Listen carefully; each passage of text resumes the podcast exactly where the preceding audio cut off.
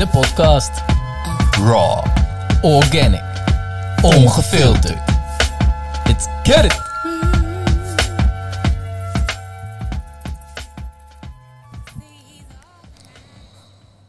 Hele goede namiddag, mooie man hier tegenover mij.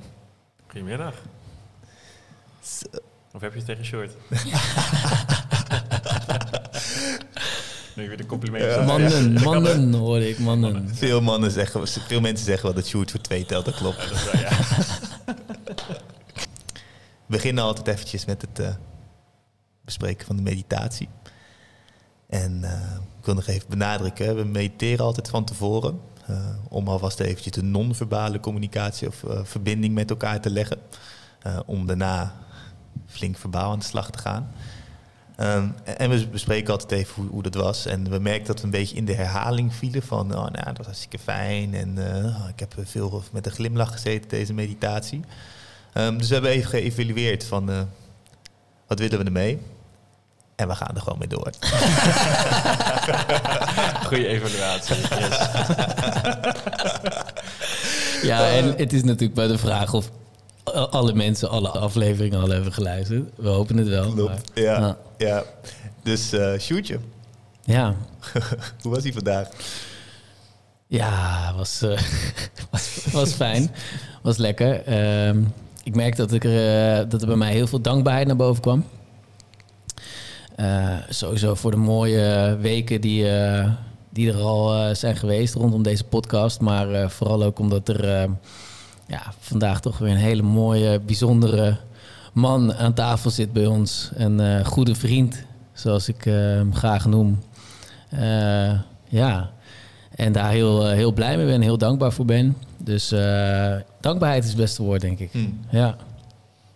nice, Jij? mooi. Ehm, nou, ik voelde, ik voelde heel veel beweging in de, in de kamer deze keer. En dat kwam door onze grote vriend die hierbij zat vandaag, heb ik het idee. Ik voelde echt van zijn kant eh, veel eh, mijn kant op komen op de een of andere manier. Dus ja, dat eh, vond, vond ik echt eh, vond ik bijzonder. Vond ik bijzonder om te merken. Ik weet niet precies wat het was, dat is moeilijk te duiden, maar er eh, gebeurde in ieder geval wel eh, flink wat bij mij. Dat vond ik wel heel interessant. Zo Goed was, gevuld. zo was hij voor jou. Ja, heel fijn. Ehm, ik merk dat, dat ik vind het sowieso echt eh, briljant dat jullie dit doen. Ik heb zelf wel twee jaar gepodcast, maar dan kom, ik merk het ook als ik hier net weer binnenkom, ook zo weer de stad ingereden ben, of ook in het verleden ook met gasten. Ja, dat is toch een beetje spanning. Je bent snel geneigd om in je hoofd te gaan zitten, om dan toch eerst eventjes gewoon lekker te gaan, eh, te gaan landen. Dat is heel fijn. Ehm, ja, het zorgt gewoon voor heel veel meer eh, innerlijke rust. Dus even gewoon lekker mezelf met de omgeving hier verbonden. En op een gegeven moment ook, eh, dat we misschien ergens ook gevoeld hebben, dat ik juist eventjes eh, de geet zeg maar op alle lagen bij ons ook eventjes een, eh, een lijntje heb gemaakt. Zodat we nou, uiteindelijk ook zo'n pure, mooi en eerlijk podcast hier vandaag met elkaar mogen gaan maken. En nou, ik vind het zelf ook altijd wel fijn om juist ook wat dieper mijn eigen meditatie te, te zakken. Om juist ook wat meer met, met energie te spelen. Mhm. Ik geef ook eh, al een paar jaar wat energiebehandelingen. Dus ik merk dat dat kan ook een systeem openzetten. Dus ik heb jullie daar ook een heel klein beetje stiekem ook wat eh, gegeven. Dus misschien dat je dat eh gevoeld hebt. Ah, daar was jij mee bezig dus. Ja. Had je je ogen open? Nee, je had het echt gevoeld. Ja, ja, ik heb het gevoeld, ja. ja. Grappig. Oh, mooi. Nou, dankjewel. Ja. Voordat we beginnen, we zijn natuurlijk al begonnen, maar ehm, willen wij heel graag nog even een hele vette, dikke shout-out naar jou doen. Want, ehm, en dat hebben we al in meerdere podcasts gedaan ook, gelukkig. Maar ik wil toch wel nog even één keer benoemen dat we zonder jou nog niet zo ver waren als, eh, als dat we nu zijn. Ehm, voor de luisteraars thuis eh, of onderweg. Wij, ehm, we hebben op een gegeven moment het plan gehad om eh, een podcast eh, te gaan maken. We, en ik zijn eh, vorig jaar begonnen met eh, Meditation Army en Tribe. Waarbij we persoonlijke ontwikkeling en spiritualiteit met elkaar delen en zo toegankelijk mogelijk willen maken. Nou, dat is op een mooie organische manier aan het groeien. Jij bent er ook onderdeel van. En we wilden die podcast gaan, gaan maken, maar we willen nog veel meer dingen doen. En vooralsnog verdienen wij er zelf niet echt geld mee met alles wat we doen. Dus ehm, ja, moeten we het van donaties hebben. En ehm, jij wist dat wij een podcast wilden gaan maken. En eh, ineens zei je, nou ja, eerst ben ik wat materiaal bij jou op gaan halen, maar dat was incompleet. En ineens belde je me op en zei, eh Sjoerd, ik wil graag het hele, de hele podcastapparatuur aan jullie eh, doneren. Waarvoor heel veel dank. Ehm, Ja, man. Gedaan, boys. want het heeft ons echt al heel veel mooie momenten opgeleverd. En dat gaat het ook nog zeker doen. Ehm, dus dank, ja. En, en ehm, wij waren eigenlijk wel benieuwd ook... of jij misschien kan uitleggen waarom jij dat hebt gedaan. Oeh, dat is een hele mooie vraag. Ehm, ja, er zijn een paar dingetjes die, eh, die daarin spelen in eerste instantie. Hè, de, dat kennen jullie nu een, een, een paar maanden. En ook eh, gewoon twee gewoon bewuste open gasten die ja, echt licht en aandacht en bewustzijn willen, willen delen in de wereld. En dat vind ik zo mooi. En eh, hè, dat het ergens ook nog het ontdekken is. Hè, ook een, iets, ja, iets groots willen neerzetten. Ik zie heel veel passie en energie. En dan denk ik, ja, dat, dat, dat is goud. Daar ga ik ook gewoon zelf echt helemaal op aan. Dus dat vind ik ook heel mooi om dat ook... Ja, op wat voor manier, hè, materieel, immaterieel, om daar ook een, eh, een support aan te geven. En dat, eh, ja, ik uh, hè, tot op een gegeven moment afgelopen zomer ook met de crypto's, kunnen we misschien straks ook nog eventjes over hebben, nog een, nog een leuk ritje gemaakt. Dus ik dacht, nou, weet je, dat is ook geld wat eigenlijk ook eigenlijk niet van mij is, wat ik eigenlijk hè, van het leven haal. Wat het leven eigenlijk naar mij toebrengt. Ja, en volgens mij het enige wat je kunt doen, wat je ontvangt, is ook weer door te geven. Dus daarin ook je even, ook naar, naar jullie van juist van oké, nou, ook in de visualisaties eigenlijk alle stukken waar ik zelf mee bezig ben om het te mogen ontvangen. En dat het ergens ook weer mooi is om dat vervolgens ook weer door te geven naar een bestemming. Ja, waar nog meer mensen wat aan, aan, aan hebben. Ik kan een nieuwe auto van, uh, van kopen of kan daar van alles mee gaan doen. Maar hoe mooi is het om het op een gegeven moment op zo'n manier dat er weer een ripple effect uh, te komen. Dat het wel mag inspireren voor andere mensen. Hè, over, nou, we hebben het wel eens eerder gehad over jullie love-based uh, business models. Mm. Ja, om dat ergens ook gewoon te testen van, hey, werkt het? Uh, staat het open? Wat, wat gebeurt er eigenlijk allemaal? En ook hè, zonder verwachting iets te geven. Uh, ja, is, is, is prachtig wat er ook gewoon mag, mag zijn. Maar het begon eigenlijk gewoon met name gewoon met, met jullie enthousiasme. En dat ik denk van, ja, kijk, ik ben nu ook zeg maar 20 jaar toen, uh, nou, was het in? Nee, ik was wel ietsjes ouder. Ondertussen nu, volgende maand 35. Misschien dat trouwens, als het niet uitkomt, zal, zal ik 35 zijn. Um, maar het is nu drie jaar geleden begonnen met podcast. Ja, dan is het op een gegeven moment zelf dat je, ja, ga ik investeren? Hè? En dan je toch zoiets van, oké, gaan we dit lang doen? Het is toch misschien ergens ook wel een testfase. Maar dat ik ook zoiets had van, ja, hè, ook als startende ondernemer van... Het het is gewoon soms gewoon fijn om gewoon net eventjes gewoon die backup te hebben. Dus dat, uh, ja. dat gun ik Ja. jullie, dus uh, vandaar. Ja, super fijn man. Echt, ik, ehm, ik hoorde het zo van Sjoerd dat jij dat zei. En ik geloofde mijn oren echt oprecht niet. Ik denk, wat is dit opeens? Wat eh, wordt ons opeens gegund? Hier, weet je wel. En ik moet ook wel zeggen dat ik het ook automatisch wel spannend vond.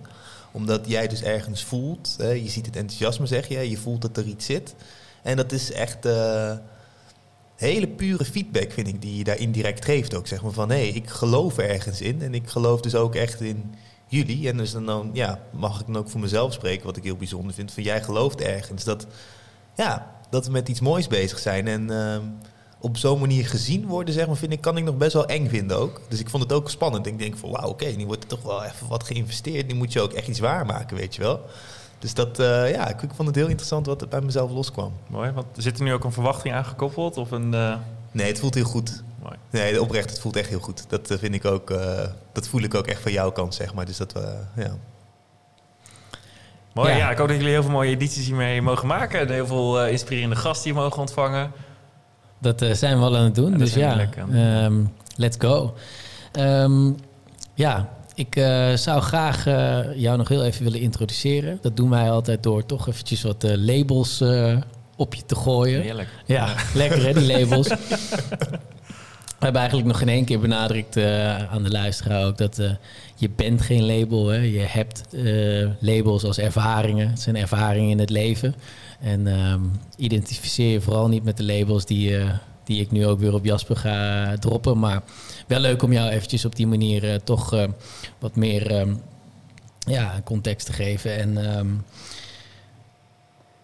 ja, want um, jij bent een eh, spreker. Je bent eh, een eh, coach. Je bent een eh, ehm, schrijver. En eh, je houdt je veel bezig met spiritualiteit, met persoonlijke ontwikkeling. En ehm, een heel groot thema in, in jouw leven daarin is eh, de millennial. Je hebt een boek geschreven, Millennial Mysterie. Eh, ik heb hem niet gelezen, maar eh, wel benieuwd. Ja, ik heb toevallig twee eh, exemplaren voor jullie bij me. Dus eh, Ja, geweldig. Ja, Oh, vet. Oh, ik zie ze niet. Oh, wat leuk. Hm. ja en ehm, ehm, wij zijn heel erg benieuwd hoe dat... eh, hoe, hoe word je ineens millennial expert? En ehm, hoe is dat eh, pad eh, voor jou gegaan? Ja, mooie vraag. Ja, nooit gedacht. eh, hè, dat zijn inderdaad ook van die labels op een gegeven moment ook jezelf ook een beetje toedicht. of en uiteindelijk ook wordt toegedicht. Maar ja, even een soort van long story short. Ik, eh, mijn achtergrond, eh, dus ik zal eh, 35 zijn als je dit waarschijnlijk eh, nu hoort. en eh, eh, ja, ik heb een eh, IBA-achtergrond en op een gegeven moment heel snel was iets van oh, het prestatiemaatschappij plaatje waar ik denk van ja, bij een grote naam werken, geld verdienen, carrière, het, het goede leven, zoals ik dacht dat het eh, was. Ja, daar eigenlijk helemaal voor eh, gegaan. En eh, nou, dat resulteerde uiteindelijk ook dat ik bij Shell een traineeship ben, eh, ben gestart, twee banen daar ook heb gedaan. Maar eigenlijk vanaf moment één als iets had van ik weet niet of dit helemaal mijn goede omgeving is. Hè, dat je gewoon dat onderbuikgevoel, maar ja, ik zat echt veel meer in mijn hoofd. En dus het, gevoel van wat mijn lichaam eigenlijk vertelde, dat, dat was het minder. Maar ik voelde wel iets. En ik dacht, nou, weet je, misschien max zeven jaar. En, eh, maar dat zorgde uiteindelijk wel voor die, die, die kram, dat dat eigenlijk steeds groter werd. Eigenlijk steeds sterker werd over tijd. En dat zorgde uiteindelijk ook voor een verdere verdieping. Dat ik juist echt die persoonlijke ontwikkeling in wilde gaan. Dat ik dacht van, ja, maar, wie ben ik en wat wil ik uiteindelijk allemaal? En eh, nou, uiteindelijk ook, eh, ik was al een paar jaar daarvoor ook wat meer met mijn spiritualiteit al begonnen. In die zin, hè, gewoon wat meer wat, boeken te lezen. Maar dat ik steeds merkte van, eigenlijk dus door die weerstand, dat ik eigenlijk steeds meer naar binnen ging. Nou, uiteindelijk ook eh, in, ja, wat er nu, 2015, voor het eerst een ayahuasca-ceremonie eh, gedaan. En dat was voor mij, ja, echt een soort van thuiskomgevoel. Dat was voor mij een, eh, een realisatie van, oh, er is nog veel meer dan alleen hè, deze 3D-wereld die we hier eh, die we zien en meemaken. Met alle overtuigingen, programma's en paradigma's. En ja, en dat, dat, dat, was, dat was heel fijn. Dat was een, echt een bevrijding, letterlijk. En dat was op een gegeven moment in, dat was in mei 2015. En eh, dat heeft uiteindelijk iets in gang gezet. Ik kan nog steeds niet precies de vinger op leggen wat het is eh, geweest. Maar het heeft uiteindelijk gezorgd voor een soort van perfect storm wat bij elkaar kwam. Want eind eh, september. ehm, ik deed HR bij, bij Shell en het was in een periode dat net de olieprijs naar beneden dook. En eh, eh, allemaal systemen die veranderd werden. En er ging van alles mis. En ik zat, zat, eh, zat thuis met een gebroken voet. Die ik tijdens het rennen, omdat ik een hoekje omliep. Echt, hoe verzin je het? Hoe, Mhm. hoe gebeurt het? Niemand gebeurt, nou, behalve mij eh, op dat moment. Maar dat zorgde uiteindelijk voor dat mijn manager op een gegeven moment zei van... Ja, Jasper, wat, wat wil je doen? Gaan we hier de knop omzetten en de mouw opstropen? Want ja, ze zag op een gegeven moment dat mijn enthousiasme ook wel wat was afgenomen. Ja. En, of gaan we praten van extra buiten de deur? En dat was best wel confronterend. Ik had ook net een, eh, een paar maanden ervoor ook net een huis op de top van mijn salaris eh, gekocht. En ik zat van, ja, ik zat er eigenlijk vol in. Ik had eigenlijk juist een commitment hè, om nog langer in het systeem te blijven zitten. Maar ik had ook zoiets van, ja, maar dit ga ik ook niet lang volhouden. Anders dan kom ik echt in een burn-out of iets eh, terecht. En ik voelde heel duidelijk zo'n zo'n zacht stemmetje... wat dus juist door die ayahuasca-ceremonie ook heel sterk naar boven was gekomen. De intuïtie van, ja, maar dit is niet voor niets. Pak hem maar. Nou, uiteindelijk lang wikken en wegen. Die, die eh, commencement speech van Steve Jobs. Ik weet niet of jullie die, eh, die kennen. Nee. Prachtig. eh, van, nou, weet ik wat hoeveel jaar geleden... dat hij eh, op eh, Princeton, het is voor de graduates... een echt prachtige speech geeft. Onder andere over follow your heart. En echt waanzinnig. Ik heb die in die week denk ik wel 50 keer gekeken. En dan leek me van, follow my heart, follow my heart, follow my heart. En toen is iets van, oké, weet je, fuck it. Ik, eh, ik, ik pak die, eh, ik ga die exit. eh, en ik had ook zoiets van, oké, pam, dan wil ik ook hop naar Peru, echt naar de bron toe. Een ayahuasca retreat eh, gedaan. En daar kwam eigenlijk s- ja, was eigenlijk voor mij een hele fijne manier om echt mezelf te bijna decondition- eh, van filters. Hè, van alle prestatiemaatschappij filters, wat ik belangrijk vond, wat, hè, wat vanuit mijn ouders, de maatschappij, vrienden, hè, wat allemaal hoort en wat goed is. En steeds minder binnen. En nou, daar kwam me eigenlijk uit van, hé, maar wat, waar krijg je nou eigenlijk echt energie van? En hoe ziet dat er nou uit? En nou, dat zou veel meer richting trainen en coachen zijn. Maar ik dacht, ja, mijn god, hè, iedereen wil dat. En, ik was toen 28, 29. Ja, heb je de levenservaring om dat ook echt te kunnen doen. Ik nou, weet je, het komt vast wel. En eh weet nog heel goed, was toen de eerste werkweek van het nieuwe jaar, was 2016 dus. En dat was op dinsdagochtend, net na de ochtendspits. En ik zat in de trein van, eh, hier van Amsterdam Lelylaan naar, eh, naar Leiden. Want dat had ik nou, ook prachtig, want het is ook echt fantastisch ook geregeld. Ook met Shell, een heel oud placement traject ook nog aange- aangeboden. Echt, echt waanzinnig. Ehm, ze gunnen me in die zin ook echt van, hey, als dit er niet is, dan misschien iets anders wel. Dus echt heel veel respect en props eh, voor, Mhm. eh, voor hen. Maar wat een aanrijding met persoon in, in die trein. En ik zat net toevallig of, in de voorste treincoupé onderin. En ik weet niet of jullie wel zoiets hebben meegemaakt, maar dat voel je, dat, dat Hmm. hoor je. En dat was echt, echt heel heftig. Maar wat het misschien nog wel heftig maakte, was de opmerking van de medereiziger. Die zei op een gegeven moment van, ja, maar dat gebeurt altijd in het begin van het jaar. Mm. En dat raakte iets heel dieps in mij. Mm. Dat echt iets van, oké Jasper, of je bent gewoon ongelooflijk naïef dat je niet weet dat dit meer gebeurt, of blijkbaar wordt dit normaal gevonden, of een Mhm. combinatie ervan. En dat was op een dinsdag en op woensdag kwam in één keer CBS en Arbonet kwamen naar buiten met stress- en burn-out cijfers eh, Mhm. die flink waren toegenomen, met name in de leeftijdsgroep 2035. Het doodsoorzaak nummer 1 is zelfdoding onder deze leeftijdsgroep. Ik dacht, what the fuck? En nou, ik hè, realiseerde me ook in dat, ik zeg maar even het corporate juppen leven. Hè, van op papier klopt het allemaal, maar ook hè, in mijn omgeving, vrienden die ook overal bij mooie grote namen werken, ook zoiets hadden van, nou, hè, is dit het nou? Dat ik merk van, maar wat is er nou eigenlijk aan de hand met onze generatie? Hoe komt het dat wij dus blijkbaar, hè, dat laat de data ook steeds meer eh, zien, dat wij dus niet gelukkig zijn, collectief niet gelukkig zijn. En dat wil ik begrijpen. Mhm. En toen ook op die donderdag sprak ik een eh, vriend die net bij een uitgeverij was begonnen. En eh in één keer s'avonds in, in bed echt een soort van inspiratie-tsunami die gewoon over me heen eh, viel. Mm. En in één keer allemaal klik, klik, klik, klik, klik. En dan is iets van, volgens mij mag ik hier gewoon een boek gaan schrijven. Want als, het nu, als deze cijfers nu zo zijn, dan gaat er waarschijnlijk alleen nog maar meer worden. En hè, er zullen waarschijnlijk wel meer mensen behoefte hebben. Hè, de millennials, de ouders, de HR-managers, ga ze maar door. Om te begrijpen wat gebeurt er nou eigenlijk met deze groep. Dus ik Mhm. ben eh, nou, helemaal ingedoken van, hey, wat zijn nou die, hè, die root causes, die onderliggende oorzaken van, hè, van, van de stress. En het is dit nou gevoel hè, op een psychologisch, sociologisch, eh, neurologisch gebied. Om eigenlijk echt te begrijpen, wat, wat is nou eigenlijk de kern? Want ja, als we dat weten, dan kunnen we ook met gerichte oplossingen komen. En het werd nog wel eens gezegd van, oh, burn-out, ja, moet je even, eh, even een beetje rustig eh, aandoen. Of misschien een keer wat, wat langer slapen of wat, wat minder op je telefoon zitten. Hartstikke leuk, maar het zijn zulke oppervlakkige drogredenen als je niet de, de, echte oorzaak kent. Dus daar eh, ben ik eigenlijk ingedoken. En eh, ja, zo is eigenlijk het boek Het Millennium Mysterie ontstaan. En dat, eh, nou ja, dat werd vrij goed opgepakt. En dat ja, zorgt uiteindelijk ook voor dat ik steeds meer lezingen ben gegeven bij organisaties. Hè. Hoe ga je om met generatieverschillen? Eh, en uiteindelijk ook omdat het eh, uiteindelijk voor 10% over millennials gaat, voor 90% over persoonlijke ontwikkeling. Omdat daar eh, de oorzaak en zeker ook de oplossing ook eh, ligt. Ja, we hebben ook veel meer persoonlijke leiderschapstrainingen ook gaan, eh, gaan geven. Ook eh, coaching bij op gaan pakken. En eh, ja, zo is het eigenlijk allemaal verder gaan, gaan groeien. En dat was uiteindelijk ook weer een eigen katalysator voor mijn eigen bewustzijnsontwikkeling. Dus eh, ja, daar ben ik nu, ja, het is bijna zes jaar eh, mee bezig. Ja, geweldig. Mooi dat je zulke eh, radicale stappen in je leven hebt kunnen zetten. En eh, ja, dat je nu waarschijnlijk meer je pad aan het bewandelen bent eh, dan, eh, dan toen, die jaren. Ja, Absoluut.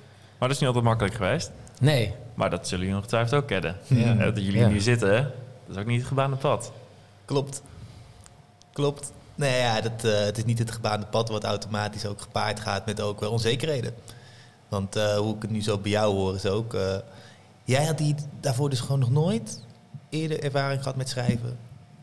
Helemaal niks. Nee, ik eh, zou je nog een grap vertellen. Nee, echt, eh, echt niet. Eh, ik had ook nooit dus een ambitie om auteur of iets te worden.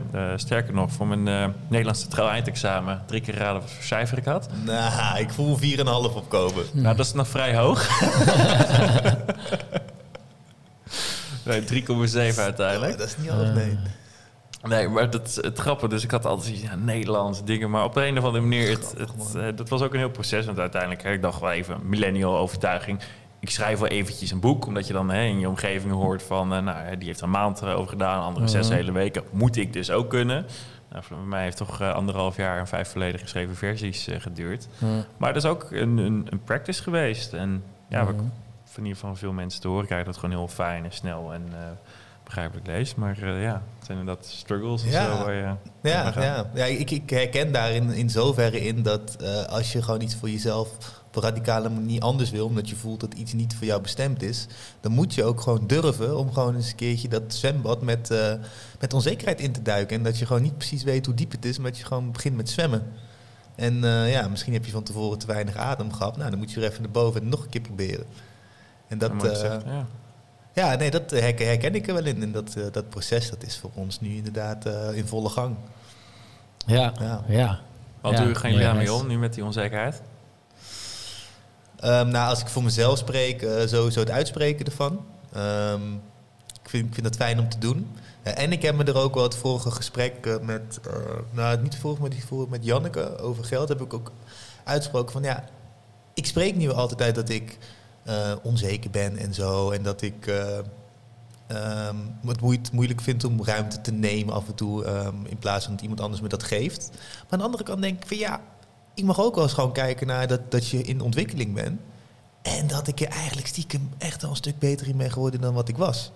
En ik denk dat ik nu op het punt zit van dat ik ook gewoon ga kijken naar de stappen die ik al genomen heb. En daadwerkelijk ga toetsen waar ik sta. In plaats van maar de hele tijd blijven zeggen dat ik onzeker ben. Of dat er onzekerheden zijn, zeg maar. Dus lekker in beweging blijven. ja, lekker in beweging blijven, ja. ja. En durven te kijken ook wat er wel is. Ja, dat is heel belangrijk. Ja, Ja. ja. dat voel ik bij mezelf wel. Anders dan blijf je de hele tijd energie geven iets wat er niet is. En dan, eh, ja, dan blijf je de hele tijd daar op dat plekje, weet je wel. Dat heeft ook helemaal geen zin. Ja, mooi. Ja. Hoe, hoe doe Ja, je... Ja. Zo, ik kom een beetje in mijn oude podcast. Nee, eh, nee, is nice, het is nice, het is nice. ja, nee, daar nodigen we je zeker voor uit. Ehm, ik zit op dit moment echt in een eh, hele goede fase wat dat betreft. Ehm, weinig eh, onzekerheid dat naar, naar boven komt. Ehm, maar ik heb ook mijn fases gehad. Op dit moment ben ik bijvoorbeeld, als ik kijk naar de podcast, wat onzeker over of, of, of ik niet eh, te veel bezig ben met mijn, mijn eigen verhaal, mijn eigen waarheid, eh, wat ego, zeg maar, ook de podcast inbreng. Ehm, tegelijkertijd denk ik eh, dat ik vriendjes mag worden met mijn ego en eh, dat, dat juist dat stukje ook mij heel erg ver brengt. Ja, hoe ga ik met, om met ego? Ik probeer het er echt, of met on- onzekerheid, ik probeer het er echt te laten zijn. Ehm, ik heb een hele lange tijd in mijn leven gedacht dat ik niet onzeker was. Dat ik dat niet had. Ook eh, niet gevoeld, zeg maar. En toen, ehm, op een gegeven moment is het ineens door, eh, nou, het is ook al vaker benoemd, eh, door een relatiebreak-up en vreemdgaan. En is dat ineens heel erg uitvergroot. En kreeg ik ineens alles op mijn dak. Ehm, dus ik heb helemaal weer opnieuw mogen bouwen aan mijn eigen identiteit. eh, met dus de kennis dat ik hartstikke onzeker ben. diep van binnen. En ehm, ja, dat ik eh, dat dat eh, eh, heel diep gaat bij mij ook. En hoe ga ik daarmee om? Ja, ik, ik spreek het meestal uit.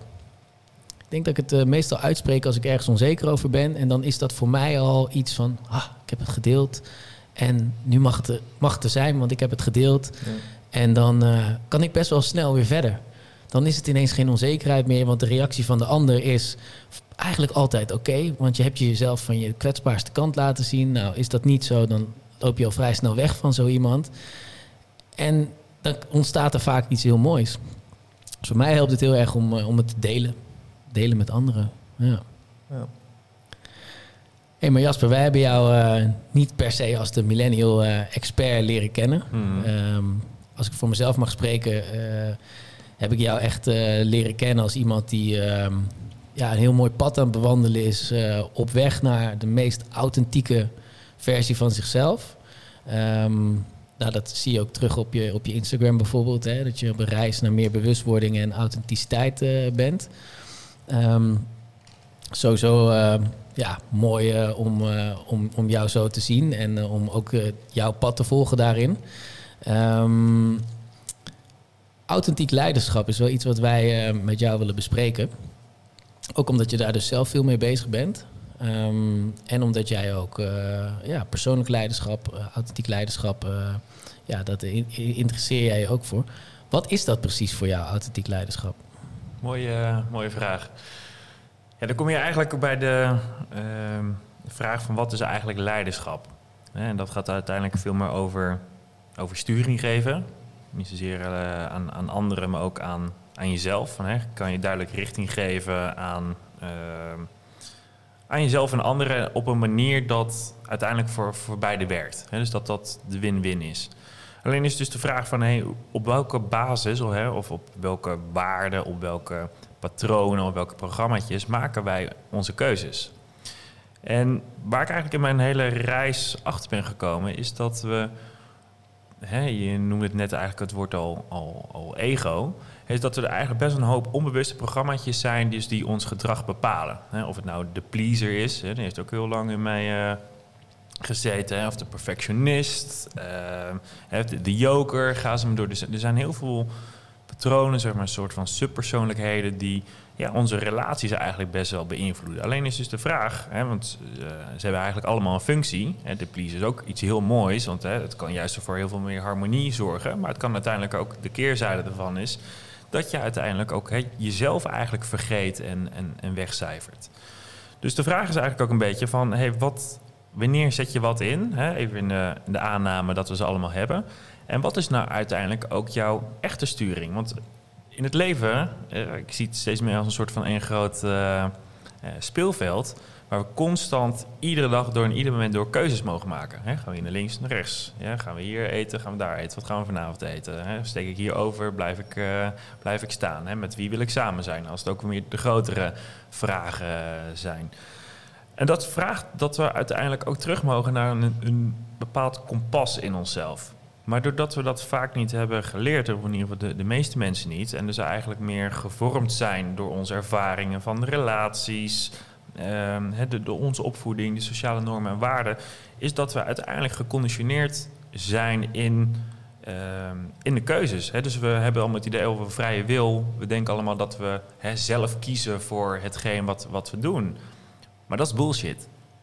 Hè, het, is, eh, de- onze hersenen werken ook zo, hè, van neuroplasticiteit. Hoe meer informatie, hè, dus dezelfde soort informatie onze, ons systeem in komt. En daarom werkt reclame dus ook zo goed. Is dat er dus ook bepaalde overtuigingen ook gewoon letterlijk worden gevormd in die synapsen. Dus dat zorgt er uiteindelijk voor dat we dus geprogrammeerd worden in een bepaalde manier. Alleen is dus de vraag, hè, als je dus, en daar komt uiteindelijk iedereen eh, in persoonlijke ontwikkeling, persoonlijk leiderschap op een gegeven moment op aan, is dat je op een gegeven moment merkt van hé, hey, ik loop vast. Dus ik heb blijkbaar keuzes gemaakt in mijn leven die dus mij niet dienen.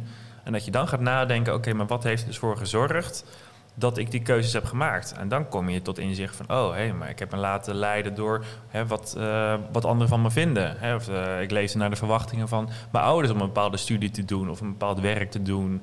En dat je uiteindelijk zegt, maar wil ik dat nou eigenlijk echt? En dat dat eigenlijk een, een soort van hele mooie reis terug is naar binnen. Van oké, maar wat is dan eigenlijk echt wat mijn kompas is? Wat ik echt wil, wat mij dient. Hè? Eh, zonder het weer door te laten schieten in egocentrisme of, of egoïsme. Maar dat je echt gewoon echt gaat naar je, je kern gaat ontdekken van hé, hey, maar wat, wat wil er uitkomen? Ja, en dat is eh, een prachtig proces. Helemaal omdat dat hè, steeds meer al die laagjes, al die conditionering en programma's, als je die gaat, gaat afpellen ja, dat je steeds op een, op een authentieker stuk komt van wie jij bent. Maar ja, uiteindelijk is dat hè, de grootste soort van bijna ja, eh, mystieke vraag die er, Ja. die er is. Wie, wie ben je? En, Ja. dat, dat is, eh, en dat is heel interessant. En dat is uiteindelijk hè, waar...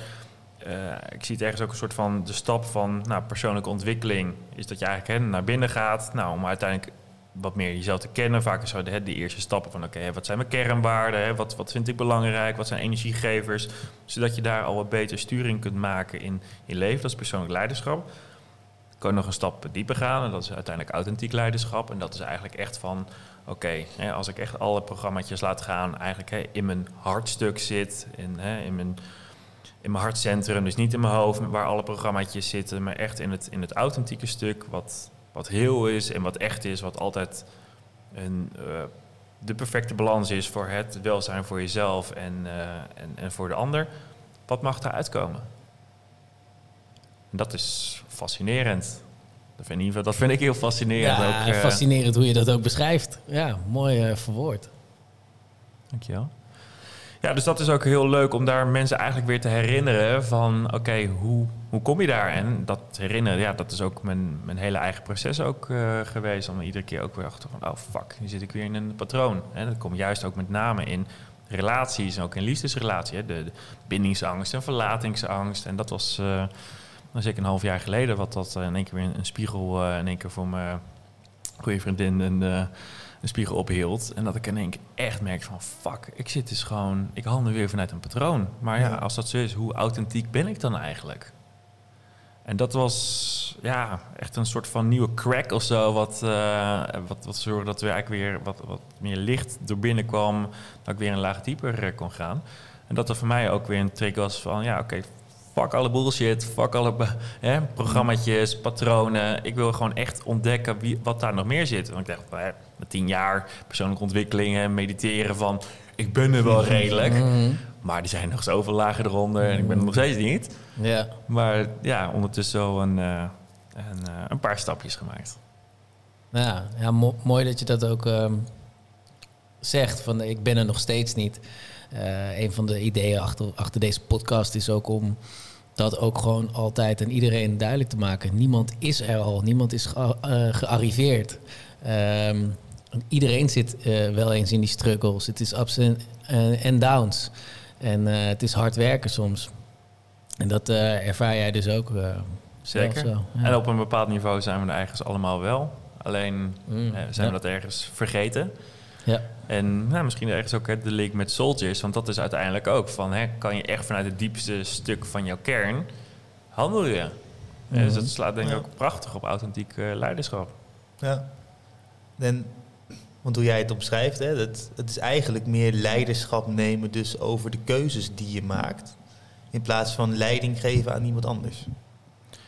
Ja, absoluut. Want uiteindelijk als je hè, geen leiding kunt uh, nemen sturing gegeven aan je eigen leven. Ja, hoe kan je dat voor iemand anders doen? Maar dat gebeurt wel. Hè, dat zie je in heel veel organisaties. Hè. Dan heb je de micromanager. Hè. Je, iedereen die kent alle voorbeelden van, uh, van slechte leidinggevenden. Hè. Of de, de excentrist, autocraat, hè, de, de, die heel directief is. Maar ja, dat is, zijn mensen die eigenlijk ook hun, hun eigen patronen en hun eigen echte zijn stuk niet goed er, erkennen. Vanuit een patroon handelen. Ja, hè, dus de reden waarom mensen daar komt het onderzoek wel naar voren. De, de, meest voorkomende reden waarom dus mensen weggaan bij bedrijf is vanwege hun leidinggevende.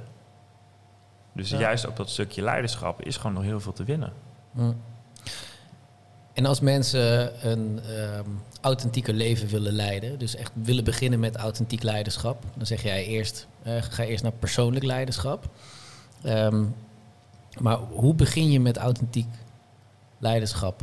Wat, wat zijn daar voor de eerste stappen? Heb je die... Uh... Goeie, uh, goeie vraag. Um, kijk, uiteindelijk gaat authentiek leiderschap te ontdekken van wat is je kern. En dat vraagt dus een bepaalde mate van zelfreflectie, een bepaalde mate van zelfbewustzijn en ergens ook een bepaalde mate van zelfbesef van oké, maar wie ben ik eigenlijk? En dat begint eigenlijk, de, de makkelijkste manier om daar te komen is door eigenlijk de vraag te stellen wie ben ik niet? Hè, dus dat je dan gaat van, oh, hè, uh, ik ben Jasper. Nee, Jasper Die labels waar we het over hadden. Precies, al die labels waar je het uh, over hebt. Dus dat je eerst dus die labels allemaal gaat, gaat loslaten. Nou, dan op een gegeven moment ook merkt van... hé, hey, nou, ben ik mijn lichaam? Nee, ik, hè, ik heb een lichaam, gedachten, idem. Dus dat je eigenlijk steeds meer gaat, gaat, gaat afpellen.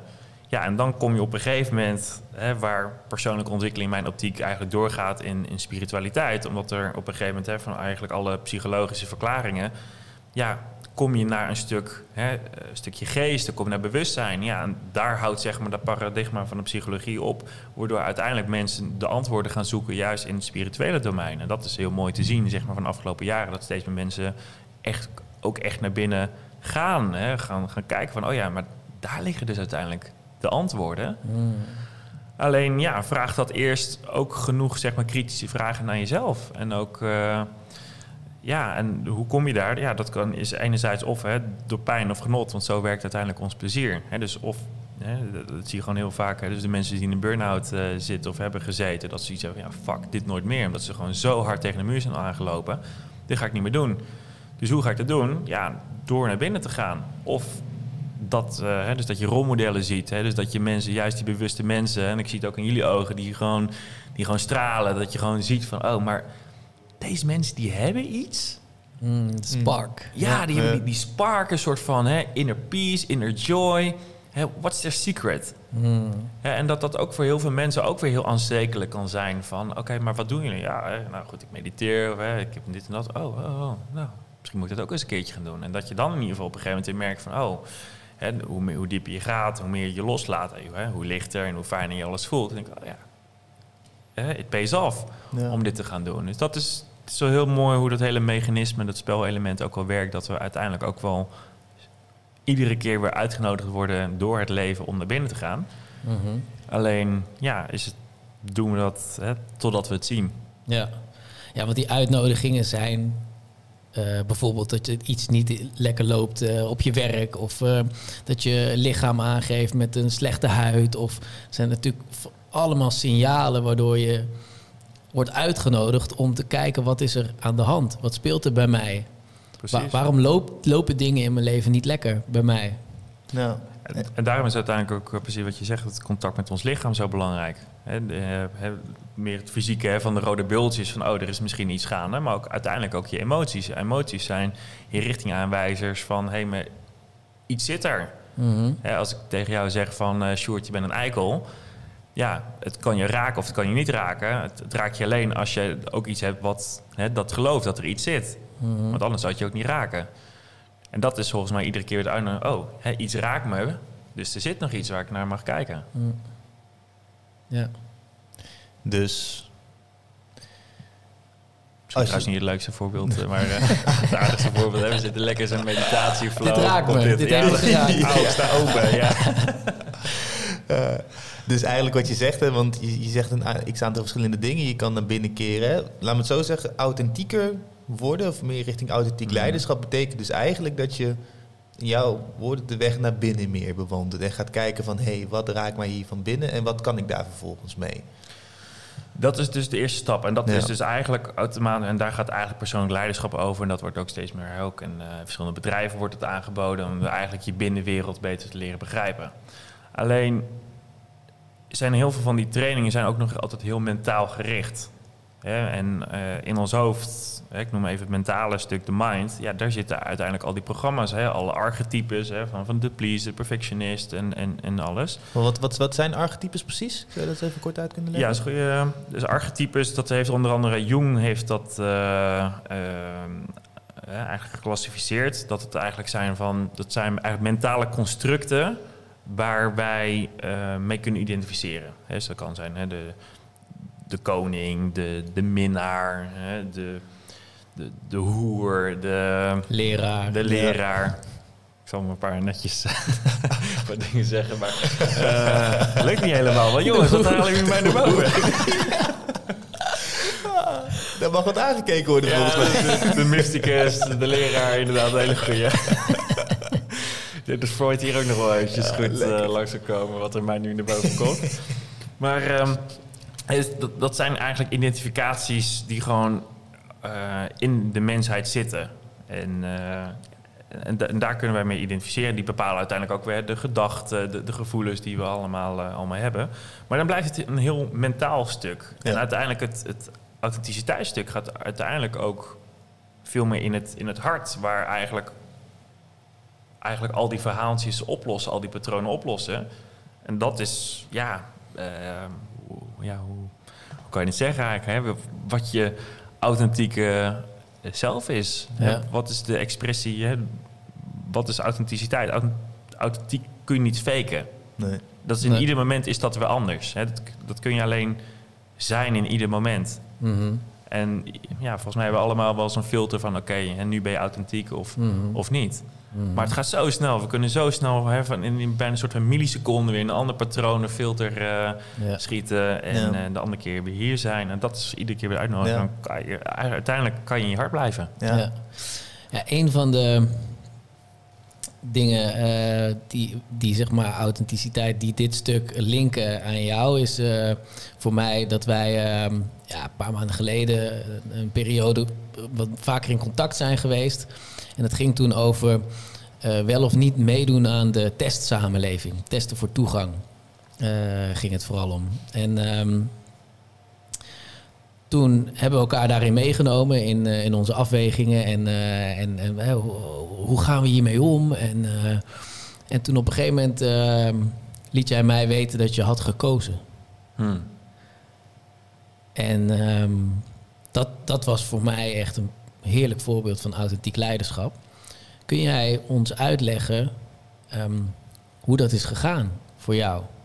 Ja, mooi dat je het eh, opbrengt. Ja, ik had afgelopen mei eh, uitnodiging eh, voor, een, eh, huwelijk van een, eh, van een vriend van mij. En twee weken voor, eh, voor het huwelijk kregen we dus een mailtje met eh, de vraag...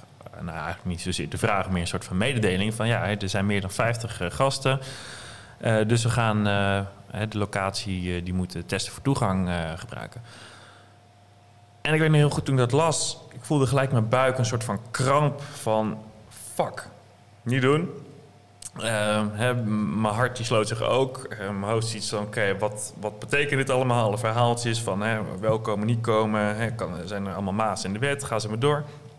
En dat zorgt uiteindelijk ook voor dus, de vraag naar mezelf van ga ik? Dat, was uiteindelijk de grote vraag. En dat was een heel interessant proces. Want eh, hè, dus heel veel afwegen, met name dan gaat het hoofd. Ja, maar eh, het is maar een test. eh, wat, maakt het allemaal uit? Tot, het is iemands anders mooiste dag. Dus waarom, zou, je dat, waarom zou je niet gaan? En als het goed is, uh, trouw je maar één keer in, in je leven. Dus ja, waarom zo moeilijk doen? Terwijl er ook weer iets in mij zei, hè, maar dan ook weer in, in het hoofd een stuk van... ja, helemaal goed, ik wil geen bijdrage leveren aan, aan de testsamenleving.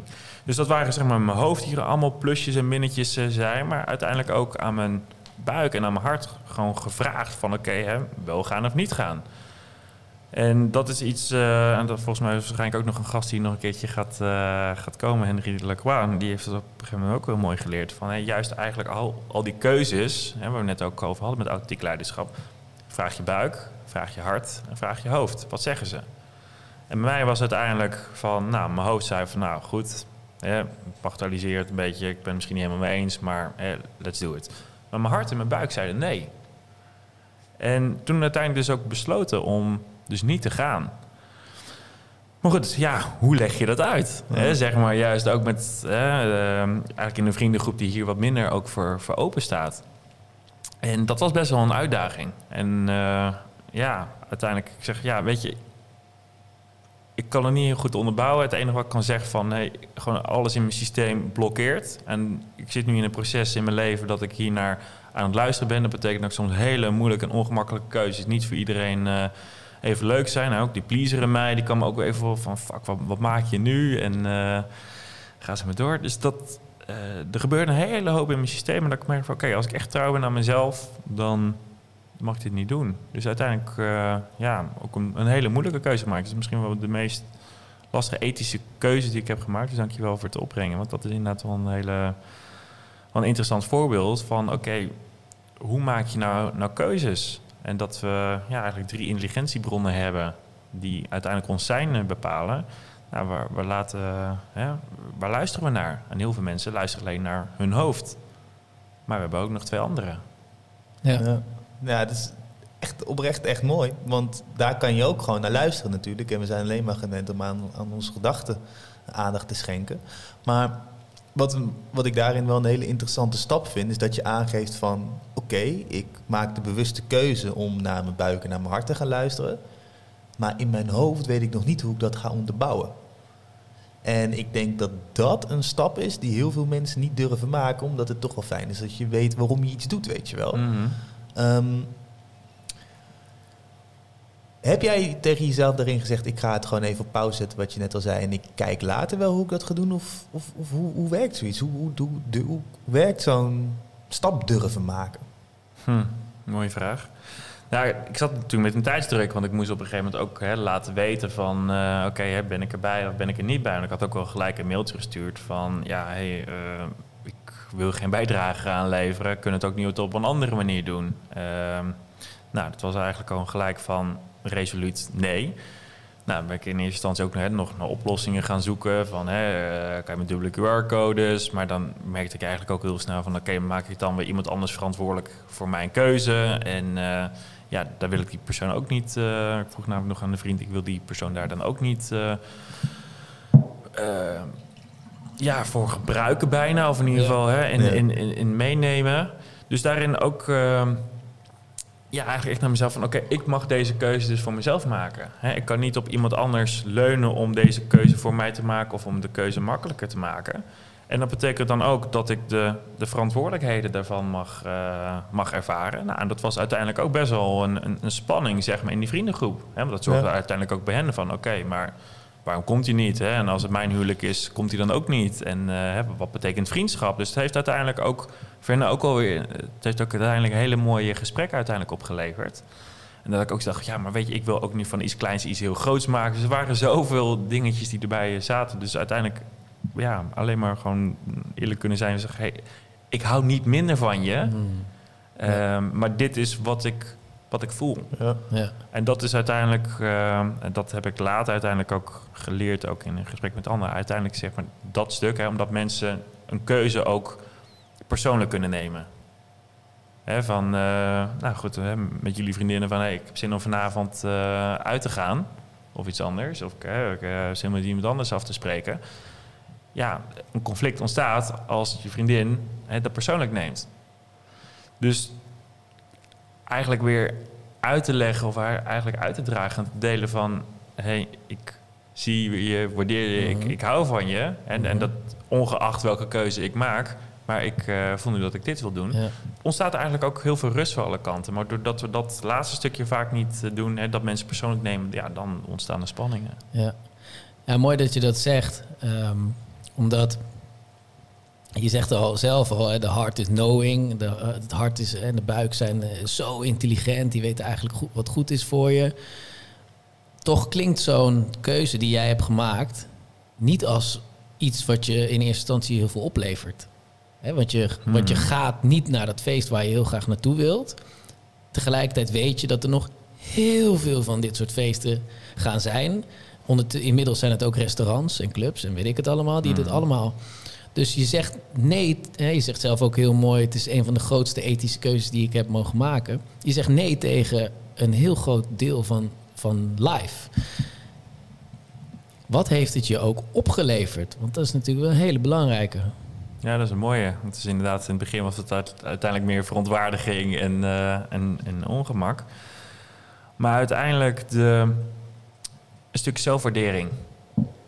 Dus ik hou, ik hou genoeg van mezelf om hier voor mezelf te gaan staan. Dat ik toch niet hè, mijn eigen ideeën, mijn eigen waarden, mijn eigen principes ehm, ja, verlogen hè, of opzij zet voor een, eh, voor een ander. En dat kan weer ergens ook weer heel egoïstisch klinken. Maar hè, daarin is het eigenlijk, en de haak in op het punt wat ik net zei, van hè, uiteindelijk doe ik het zeg maar niet tegen de ander hè, of om de ander te, te kwetsen. Dus in het, in het aangaan van, hey, ongeacht of ik erbij ben of, of niet, ik hou nog steeds van je, ik hou nog steeds evenveel van je. Maar dit mag ik doen. En dat daar zeg maar ruimte voor is om daarvoor te staan. Ja, dat geeft uiteindelijk ook echt heel veel eh, self-empowerment. Ergens ook wel rust. En ook een bepaalde trotsheid heeft nou eigenlijk ook nog wel gedaan. Want ja, er kwam ook wel weer wat shit om af. En denk van, oké, maar hè, I stand my ground. Ik blijf staan. En dat, eh, nou ik heb ook wel van anderen gehoord dat dat ook, ook hè, naast eh, verontwaardiging ook voor respect heeft gezorgd. Van, oh, wow, hij doet het wel. Want ik weet niet of hij het zelf al had gekund als, als iedereen die, eh, want iedereen die vond er ook wel wat van. Ja, eh, doe dat maar. Dus het, het, het- ja, of het, hè, of het waard was, zeg maar, de, de plus-min. eh, geen idee. In ieder geval voor mezelf. Ik ben nog altijd, uh, nou, uh, ik ben nog altijd trots dat ik het heb gedaan. Ja, ja. ja. en maar je zegt in principe ook iedere keer nee. Dus het is niet dat je alleen maar één keer nee zegt. Je zegt iedere keer nee tegen dat restaurant of nee, nee tegen ja, waar je dan niet binnen kan. Ja, dat is dan even de, de consequentie van het spel waar we nu uh, in zitten. Hè, maar daarin zijn we volgens mij ook steeds meer uh, dingen die erop poppen. de parallele samenleving, uh, hè, dat keuze vrij bij mij. Dat ik ook juist mooi vind. Dus de ondernemers, de, de, de mensen die ook zoiets hebben van... ja, weet je, we willen niet gaan discrimineren. Dat geen medische apartheid gaan creëren. wees open, ja. Heel veel liefst dat ik daar mijn, mijn aandacht en geld en energie naartoe breng. Ja, ja, je zegt het zelf al, uh, parallele samenleving. Um, ik wil trouwens ook nog want jij hebt ook in een soortgelijke situatie gezeten, toch? Ja, ja. Hoe was dat voor jou? Nou, een van de meest interessante, nou, ik denk wel de meest interessante ethische keuze uit mijn leven, inderdaad, die ik ook uh, heel bewust heb, uh, heb mogen ervaren. Um, ja, ik vond daarin jou, bij jou echt een partner, want er waren in mijn omgeving was er bijna niemand die naast mijn vrienden in Cella, die zei meteen: Ik ga dit niet doen. Uh, die zo zei: Nee, ik ga daar gewoon niet aan meedoen aan die hele testsamenleving. Het is niet iets uh, waar ik onderdeel van wil zijn. Um, maar heel veel vrienden die gingen dat wel doen. Die hadden hun QR-codetjes al klaar. En nou, er waren nog. Miguel twijfelde um, zelf ook. Um, dus ik heb ook echt wat meditaties eraan gewijd om eventjes contact echt met mezelf te maken. En ja, wat, wat voel ik hier en wat, um, wat zou mijn uh, authentieke keuze zijn? Ja, dat had ik al lang uh, allemaal gevoeld. Ik wist het ook. En toch, naarmate, zeg maar, er kwam op een gegeven moment een moment aan richting een, een vrijdag. waar we zaterdag al naar een feest zouden gaan. Vrijdag um, was er ook nog smiddags een, een feest, dus echt een party. En we wisten dat de, de uh, persconferentie op vrijdagavond zou zijn. En, uh, nou, uh, dus, en dat was net nadat die twee weken uh, alles weer mocht. dus we wisten al, oké, die persconferentie komt eraan, het gaat allemaal weer dicht. Deze vrijdagmiddag begint nog een feest, die kunnen we dan nog pakken. het is weer een van de laatste feesten misschien wel van dit jaar. en toen heb ik met Miguel gebeld. en ehm, ja, uh, was, het, het, voelde echt alsof ik uh, al weken naar dit moment aan het leven was. En nog, ik had die keuze nog niet gemaakt. Die, die echte authentieke keuze van wel of niet. Um, en, en dat bouwde zich zo op naar dat feest toe op vrijdagmiddag met dat telefoontje van Miguel. En op een gegeven moment zegt Miguel van... Ja, ik heb gewoon besloten, ik ga mezelf dit gunnen. Ik ga testen en ik ga naar dat feest. En oh, mijn hele systeem begon te, te, draaien en te doen. En ik voelde me gek en apart. En precies wat je zei, mijn hoofd zei... ja, ik wil gewoon het feest. Heel veel, eigenlijk fear of missing out was het mm. gewoon. En um, op een gegeven moment... Uh, ik weet niet wat er gebeurde, maar ik ging over, over die grens heen. Ik zei, ik ga ook mee. Ik ga het doen. Ik ga die test uh, ook nemen. Nou, ja, oké. Okay, nou, let's go. Dus ik uh, zeg maar denken dat ik dus uh, toch een goede keuze heb gemaakt. Dus wij allebei aan de slag om om te kleden. En op een gegeven moment, een kwartier later, um, pakten we onze telefoon allebei om een kaartje te kopen. Uitverkocht. en echt, mijn hart juichte als een gek. Dus ik wist meteen van, oh, oké. Ik heb hier dus geen authentieke keuze gemaakt. Ik, um, ik ben ja, tegen mijn eigen waarheid ingegaan.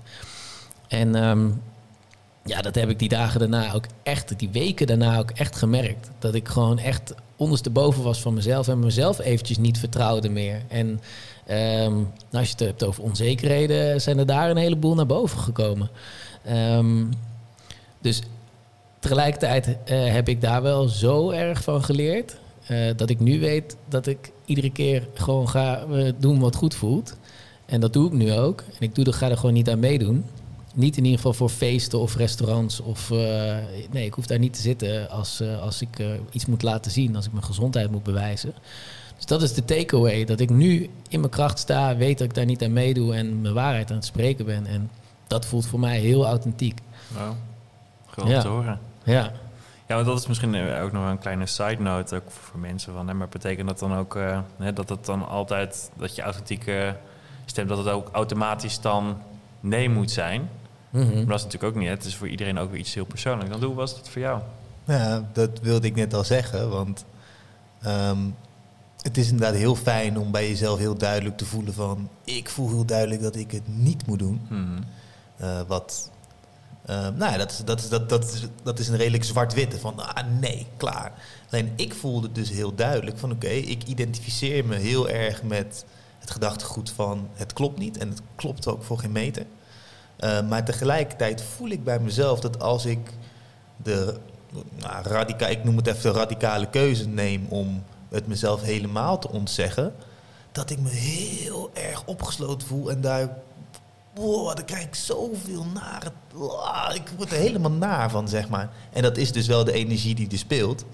Ehm, alleen ik voelde wel van, wow, ik mag het mezelf ook even gunnen om even één keertje wel te testen. En toen heb ik de keuze gemaakt van, ik ga, ga mezelf één joker geven.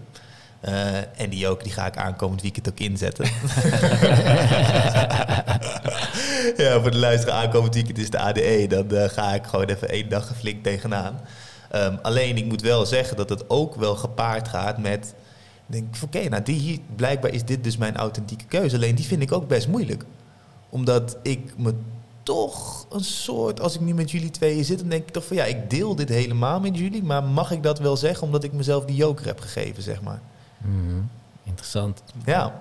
Ja, en dat is, dat- ja, daar word, word ik toch ook weer ergens mee geconfronteerd van... Ja, maar het voelt wel authentiek. Nou, dat Ja, geloof ik- ook wel, want het is Oh. eh, hè, misschien ergens ook vanuit je hart, als ik het nu, nu een beetje incheck, hè, wat ergens ook een vorm van zelfliefde is. Ja. Een stukje vrijheid, dat is gunnen, Ja. is ook vaak wat iets met het hart zit. Dus dan denk ik van, nee, maar dat is iets hè, wat mijn hart nodig heeft. Ja, oké. Ja. Nou, ik moet zeggen, ik, ik observeer dat natuurlijk bij jou en ik voel dat ook. Ik voel dat het wel authentiek is bij jou. En dat is heel interessant. Uh, wij zitten natuurlijk, we zijn beste vrienden, we vergelijken toch onbewust vaak met elkaar. Vind ik heel interessant. Ja, ik, voor, mij is die, keu- voor mij is dat dus authentiek en voor jou is dat dus Ja. authentiek. En ja, je bent gewoon een klootzak, want jij kan wel die kant op. Ik ga je veel filmpjes sturen, Ja, jongen. Nee, maar dat, eh, het, het doet wel pijn hoor, dat moet ik wel eerlijk zeggen. Het, het hele stukje authentiek, authentieke keuzes eh, willen maken. En dat is denk ik ook eh, de hele grap. Het is niet per se leuk om de meest authentieke zelf te zijn altijd. Niet per se altijd. kan zwaar zijn. Ja. Ja. Het, is, eh, het is vaak eh, een uniek pad bewandelen, want we zijn allemaal uniek. En we hebben allemaal iets unieks hier op de wereld te doen. Dus eh, dat, is, dat is inderdaad keuzes maken die misschien losbreken van je oude patronen. Ja. Ja, ja, en dan kom je dus automatisch ook weer terug op de parallele samenleving. Ik bedoel, mensen kunnen het. Sommige mensen kunnen ervoor kiezen om er wel in mee te gaan. En sommige mensen kiezen ervoor om er niet in mee te gaan. Maar dat is wel een hele duidelijke tweedeling. En als je in je eigen omgeving zo kijkt van wat je ziet, wat er speelt en wat je meemaakt en zo, dan, nou, dan, kan, dan kan, je kan het best als iets kleins ehm, ehm, lijken. Want ja, nou, dan ga ik gewoon niet naar dat feestje. Eh, boeien. Ik, heb, ik had vandaag toch al niet zo'n zin. Of misschien kan ik over drie maanden wel, weet ik veel. Het lekker klein houden. Maar tegelijkertijd is het wel heel groot. Is het echt heel groot. En ehm, heb- Wat is precies groot? nou, die parallele samenleving. Zo'n Hmm. het, con- het concept. ehm, dat heeft echt op heel veel verschillende vlakken invloed. En eh, zelf ben ik daar niet altijd even goed in om het, echt het grote plaatje te zien. Ehm, maar hoe, hoe, hoe kijk jij daarnaar dan, Jasper? Want ik weet dat jij er daar iets beter in bent. Ik weet niet of ik iets beter in ben. Ehm, Ja, je bedoelt, wat is de parallele samenleving, zeg maar? Hoe kijk je daarnaar, toch? Ja. Ja. ja. Ja. Ehm, nou, wat volgens mij corona afgelopen, hè, dus afgelopen anderhalf jaar, eh, twee jaar bij ons, eh, eigenlijk laat zien, is hoe beïnvloed we, we zijn en dus eigenlijk geconditioneerd zijn door eigenlijk alle verhalen. eh, die ons is verteld hè, in ons leven. Hè, over staat zorgt voor ons. Hè, de media is betrouwbaar. Ehm, de overheid heeft altijd het beste met ons voor. De farmaceutische industrie werkt in ons, eh, in ons voordeel. Ehm, de solida- solidariteit van mensen. Het, het zorgpersoneel dat, dat, dat keihard werkt. Dus er zijn heel veel... ehm, ja, constateringen. Er zijn heel veel overtuigingen die hier over allemaal aan te, aan de grondslag eh, liggen. En wat, hè, om misschien even een soort van kleine side note eh, te maken. eh, Yuval Harari, hè, dus het auteur van het boek eh, Sapiens onder andere. Wat hij onder andere wel mooi beschrijft is van hè, wat maakt nou de mens eigenlijk uniek en wat heeft er ons nou eigenlijk voor gezorgd dat wij dus hè, op een gegeven moment aan de top van, van het dierenrijk is komen te staan, is dat wij verhalenvertellers zijn. Dus wij konden op een gegeven moment tegen elkaar vertellen van... oh, hè, misschien kun jij beter daar gaan staan, daar gaan staan. Kunnen we omsingelen, hè, of we kunnen ons gaan groeperen. En dat zorgt uiteindelijk voor een bepaalde kracht. Maar uiteindelijk zijn verhalen ook gewoon heel bepalend. Hè, en helemaal waar we net over gehad hebben... omdat we dus heel mentaal gericht zijn... is dat verhalen uiteindelijk ook ons gedrag bepalen. En wat ik mijn, mijn zo bizar vond, zeg maar, de intensiteit van een, van een narratief, een, een verhaal, wat eigenlijk in een hele korte tijd gewoon echt over ons heen als een soort van lawine is, eh, is geduwd. Hè. Het begon met, eh, met beelden van hè, in China dat mensen in één keer gewoon midden op straat lagen, dood. En hè, dat, het was heel veel Ja. intensiteit en, en drama. En het was een killervirus en gaas. Maar dat was een heel... Ja, en de media, dat kwam allemaal. Hè, dus die, die redacteur van de Volkskrant die ook zei van... nee, weet je, hè, wij media mogen nu gewoon hè, in één lijn met, met, met de overheid eh, volgen. Dus er was in één keer hè, ook heel snel heel veel censuur. Ook van hè, artsen, doktoren, virologen... die ook zoiets hadden van... nee, maar volgens mij is het niet de goede aanpak. Heel snel monddood gemaakt. En er was in één keer een soort van één groot verhaal... Wat, eh, wat over ons heen wordt eh, gestort. Hè. En dat eh, nou, wordt iedere dag ook beïnvloed hè, met de, de ziekenhuisopnames en het aantal besmettingen en het, en het aantal doden. En ja, als je de, de gemiddelde mens vraagt hè, over hoeveel mensen de, de, de gemiddeld per dag in Nederland overlijden of hoe het ziekenhuis. Niemand heeft een idee, maar we zien alleen maar absolute cijfers. En ja, en dat voedt zeg maar eigenlijk allemaal het, het verhaal. En waar we, om misschien even terug te komen naar de, naar de parallele samenleving, is dat eigenlijk steeds meer mensen gaan, eh, eh, zijn gaan eigenlijk ook gaan voelen van, hè, eigenlijk ook in, in ons onderbuik, van hé, maar dit verhaal wat we voorgeschoten krijgen, klopt dat eigenlijk wel? Hè, en ook de oplossing van de Build Back Better, de Great Reset, zijn eigenlijk ook allemaal weer verhalen die over ons heen eh, worden eh, gestort. En daar komen we uiteindelijk ook, hè, waar de parallele samenleving en authentiek leiderschap eigenlijk weer terugkomen, is eigenlijk weer de vraag van, hé, maar welk verhaal leef ik?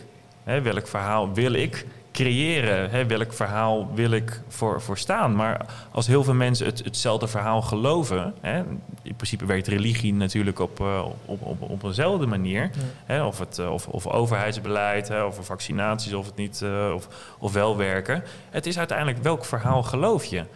Ja, nu komen eigenlijk steeds meer mensen eigenlijk tot de conclusie, hè, met steeds meer een repressieve overheid en, en maatregelen, dat ze zeggen van ja, maar dit is niet wat ik wil. Kunnen we eigenlijk ook niet een ander verhaal, een andere maatschappij, een, een, een, een andere manier van, van leven creëren? En hoe meer mensen uiteindelijk ook weer in dat verhaal stappen en gaan geloven, ja, dan wordt dat Ontstaat er gecreëerd. Ja. Ja, en dat is de, hè, waar het een beetje in, in deze tijd heel snel hè, in het gepolariseerd, hè, het, het wij eh, tegen zij, hè, de schapen en de wappies en, en, en ga ze maar Mhm. door. Maar dan blijven we uiteindelijk in hetzelfde narratief zitten. Of kan je zeggen van, nou weet je, ik, hè, ik onttrek me eruit. Ik ga het ook niet veel aandacht voeden. Hè. Ik kan allemaal boos worden op wat de overheid me heeft afgenomen. Hè. De, we zitten in de prime van ons leven. Hè. We, worden beperkt in onze vrijheid. Ja, zeg je van, nee, ik, ik ga niet mee in het narratief. Ik ga mijn eigen vrijheid leven. En ik omring me met mensen die dat ook willen. Ja, en ik zie daar dat, hè, want dat wordt gewoon grassroots. Dat wordt gewoon steeds meer klein. En het gaat vanzelf ook alweer met elkaar eh, linken. Maar volgens mij zitten we echt ook in een soort van wederopbouw met, eh, met elkaar. Een soort van greatest reset, van, eh, van een love reset. Waar we uiteindelijk ook naar achter kunnen komen van... hey, eigenlijk al die verhalen die we uiteindelijk constant zijn, eh, zijn gaan geloven... Hè, want dat is ook iets wat, we, wat nu wereldwijd, hè, alle overheden en media... ze spreken allemaal dezelfde taal. Ja, klopt. Ze zeggen allemaal hetzelfde beeld, allemaal hetzelfde verhaal. Dat is toch Mhm. Ja. gewoon dat besef alleen al is al gewoon het idee van... oh, maar er is, wordt dus heel veel moeite gedaan om één verhaal Ja. eh, naar voren te brengen. Ja, maar zou dan een, een term als parallele samenleving... eigenlijk zou je dat er niet meer in, in de mond moeten nemen... want dat is ook het verhaal, dat het naast elkaar zou bestaan. Ja, dat is een mooi gezegd. Want uiteindelijk betekent dat inderdaad parallel dat er altijd nog onbewust in ieder geval Ja. nog een linkje is naar de, naar de andere maatschappij, naar de andere wereld. Ehm, hè, want, hè, ga je in een andere maatschappij? Nee, we zijn nog steeds onderdeel van dezelfde maatschappij. Alleen kunnen we dezelfde maatschappij op een hele andere manier beleven. Op een andere manier gaan, gaan vormgeven. Nou, Hoe eh, zien jullie deze ontwikkelingen? De parallele samenleving? Horen jullie er veel over? Ehm, ik vraag me heel erg af of het inderdaad een, een construct is wat eh, door ons is ontwikkeld. eh, hè, wat, eh, wat, maar wat eigenlijk niet iets bestaans is.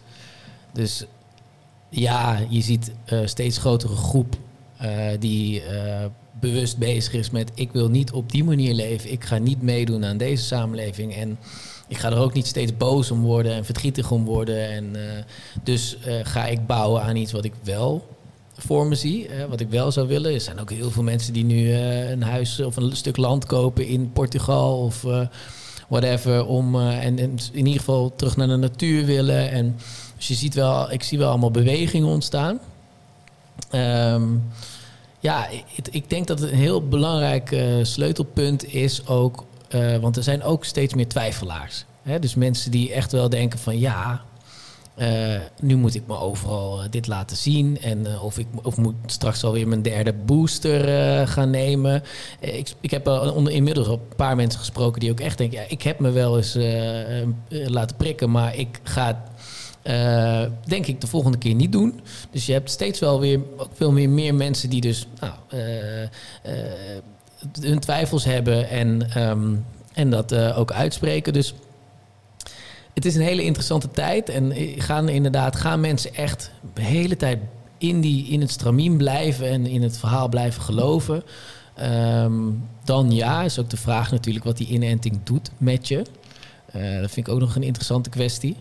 Ehm, tegelijkertijd denk ik dat de mensen die, dat voel ik eigenlijk sterk, dat de mensen die eh, nu kiezen voor eh, dat authentieke leven, voor ehm, de verbinding, voor de menselijke, eh, de, primaire menselijke behoeften, Ve- eh, veiligheid, verbinding, ehm, eh, liefde, plezier, ja, gewoon met elkaar dingen creëren, dat, dat daar nu wel echt de soul is. Dat daar de soul zit, dat daar de spirit zit. En ik kan me niet voorstellen dat dat, dat niet op een gegeven moment opgemerkt gaat worden. Eh, en dat dat ook weer een verbindende kracht gaat zijn. Want net als weet je, wat jij zegt met die spark eh, in de ogen, als, me- als er genoeg mensen authentieke keuzes blijven maken richting gezondheid, richting liefde, dan zullen ook genoeg mensen opmerken dat dat beneficial is voor die mensen en daar ook meer van willen. Lang verhaal kort. Ik geloof dat we met z'n allen uiteindelijk wel ja, naar boven zullen ascenderen en ja, toch zullen herinneren ehm, wie we daadwerkelijk zijn en wat we hier echt komen doen. Absoluut. Dat is ook ergens ook het mooie van deze tijd. En dat helpt mij in ieder geval ook om juist ehm, die rust en die verlichting ook te bewaren van... We hebben ook gewoon een katalysator nodig hè, om te groeien. Hè, van als mensen die in, in die burn-out, als ze die burn-out nooit hebben gehad, ja, dan waren ze gewoon doorgegaan op dezelfde manier. Ja, Hè, ondanks dat ze zeg maar niet hun, hun pad was of hè, dat ze echt meeste energie gaan, maar dan gingen ze door. Dus hè, soms hebben we, hè, eh, wrijving geeft glans, we hebben gewoon soms een tegenkracht nodig, een antagonist, om juist eh, te groeien. En ja, als we dat kunnen, kunnen zien en ergens ook daar dankbaar voor zijn van, oh wow, hè, dit is niet één keer zo heftig. Ja, dat in één keer mensen gewoon in een soort van shock of zeg maar in slaap eh, denken, dus heel angstig worden en eh, maar volgen wat er is. Of inderdaad zoiets van, wow, hè, een soort van echt gewoon letterlijk wakker Mhm. geschud worden. Mhm.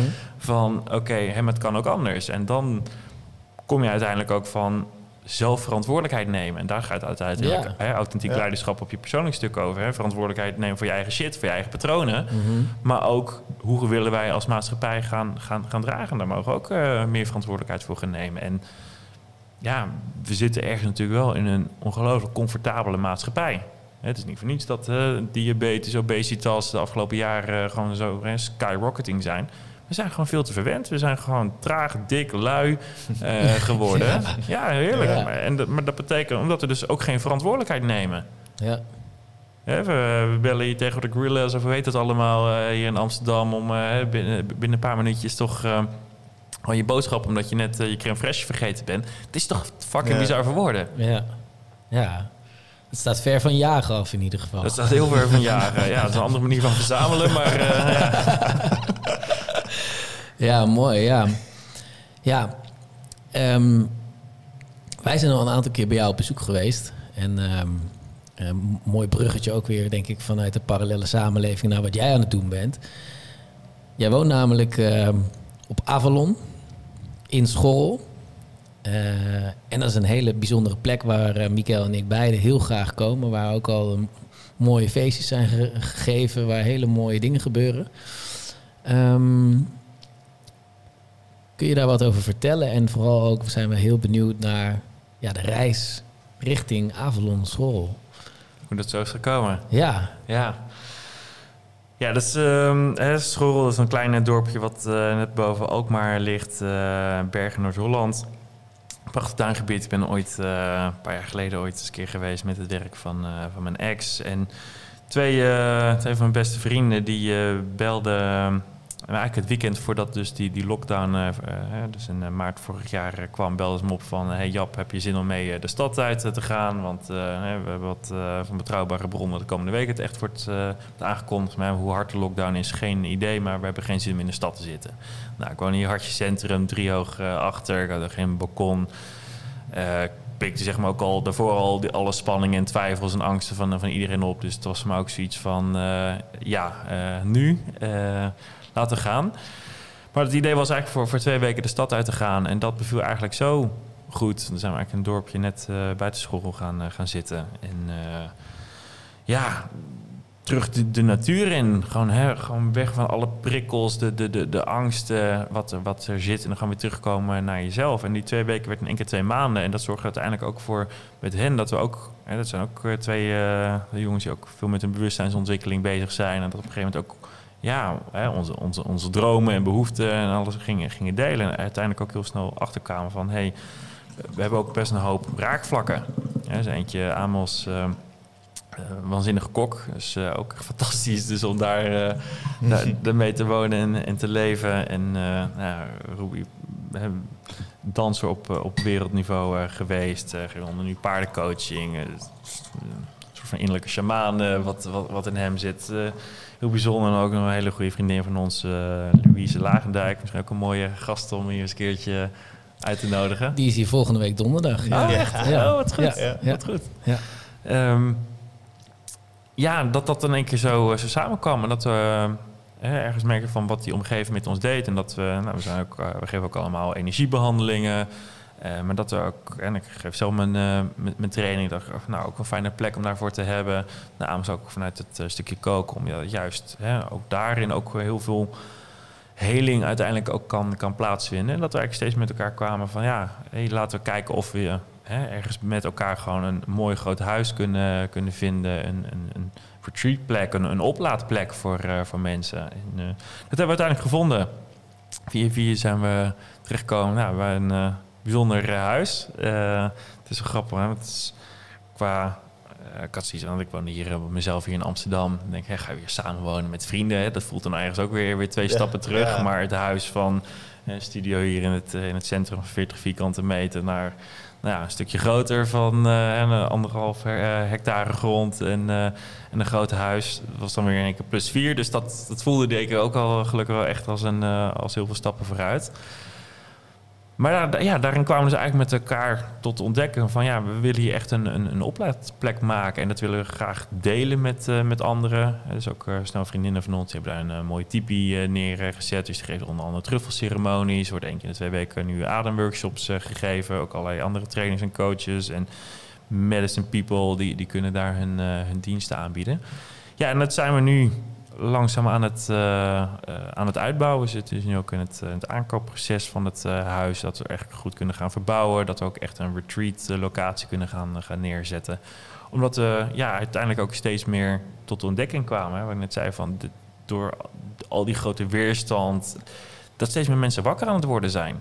Maar uiteindelijk ook hè, daarin ook wel houvast nodig hebben. Praktische handvaten van oké, maar hoe ziet dat eruit? Hè? Hoe kom ik nou naar mijn stukken? Hoe kan ik nou die innerlijke patronen aankijken? Juist sommige die zo diep en, uh, en, en, en vast en alles bepalend kunnen zijn. Hoe laat je die los? En dat we daar gewoon een heel mooi assortiment aan, aan programma's en, uh, events kunnen gaan, uh, gaan aanbieden. Dus dat, uh, daar zitten we nu vol in ontwikkeling.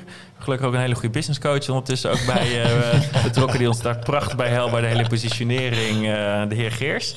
Kan je me van harte aanbevelen. Je Ja. doet het prachtig. Ja, dankjewel daarvoor. En eh, vooral ook eh, heel veel dank voor het eh, creëren van die plek. Het is natuurlijk een, een korte beschrijving van hoe dat allemaal is gegaan. Maar ja, ik heb dus nu ook al wat, wat beter mogen horen hoe dat allemaal daadwerkelijk is gegaan. En het woord wat bij, bij mij dan heel erg naar boven komt is synchroniciteit. Hmm. Ehm, want het is jullie wel echt overkomen ook op een bepaalde manier allemaal. Zo heb ik het beleefd.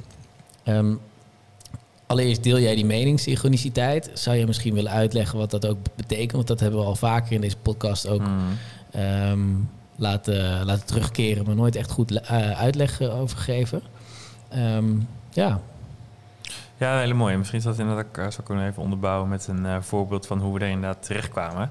Ja, synchroniciteit is de schijnbare toevalligheid. Dat eh, kwam Jung op een gegeven moment ook eh, mee. Dat juist als je dus groeit in, eh, in je bewustzijn.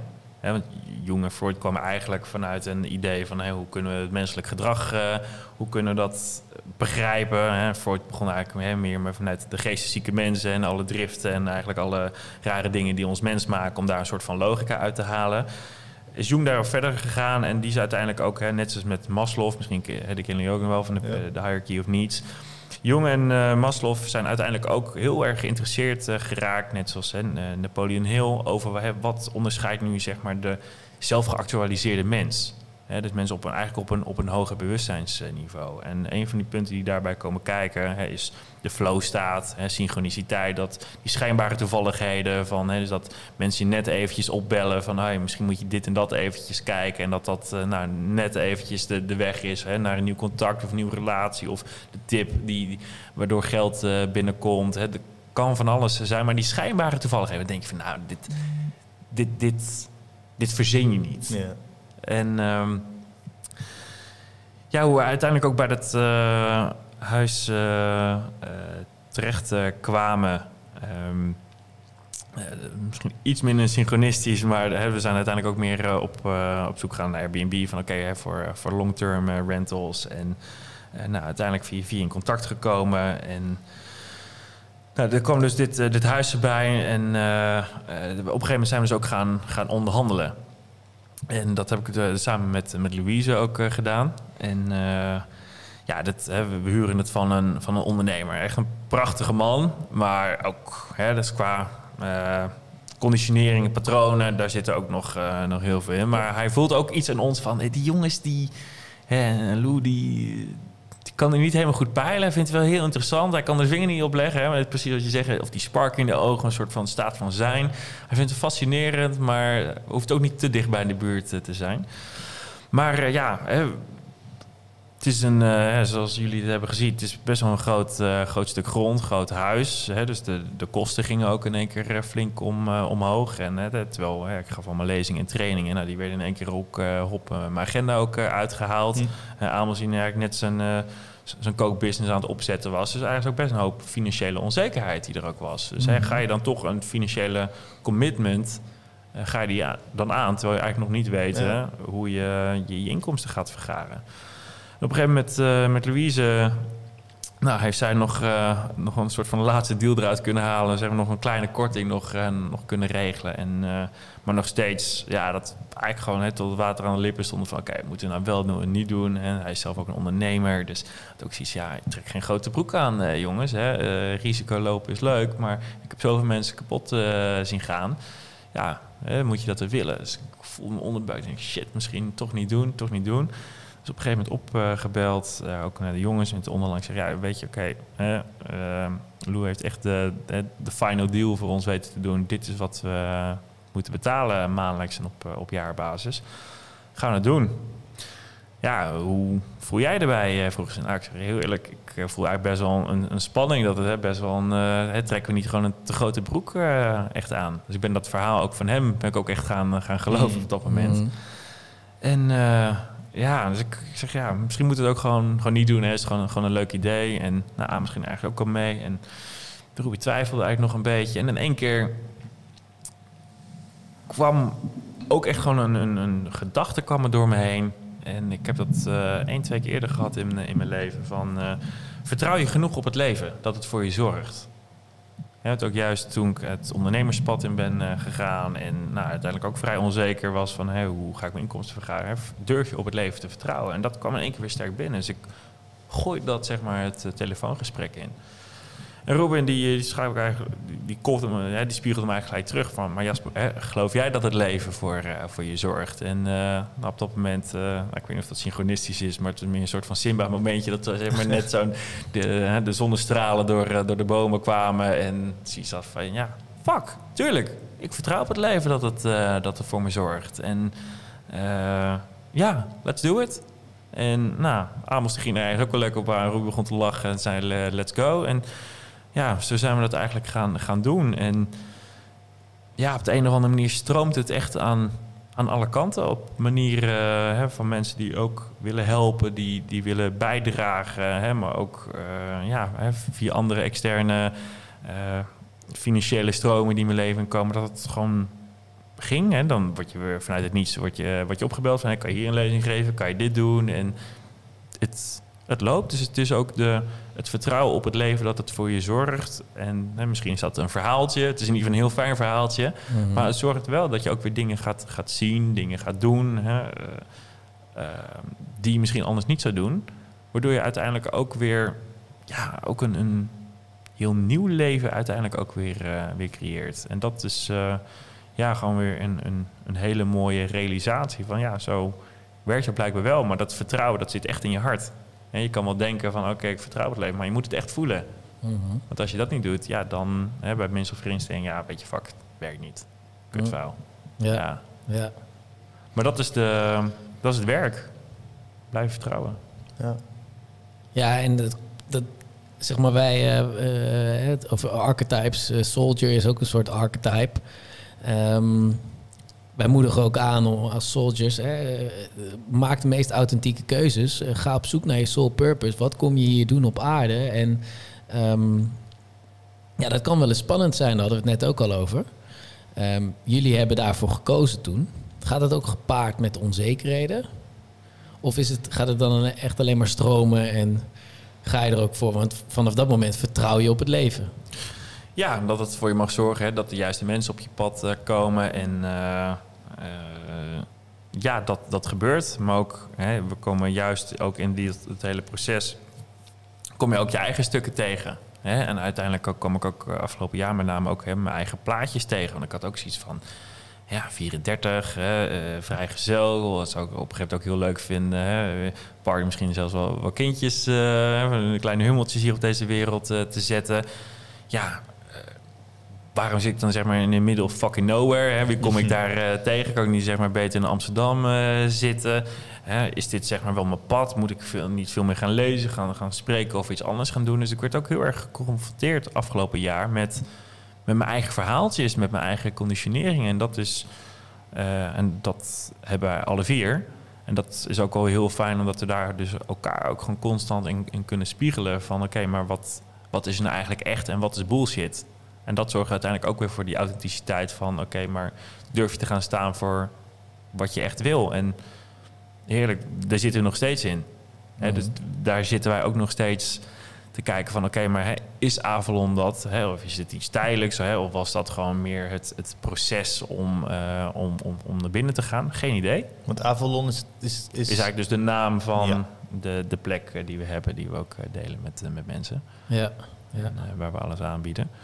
Maar dat is, eh, ja, we, worden dus constant geconfronteerd met onze eigen persoonlijke stukken. En dat zorgt af en toe ook voor, eh, hè, voor heel veel twijfel. Hè, zorgt voor, een, voor angst. Oké, zit ik nou op de goede plek? Moet ik dit wel doen?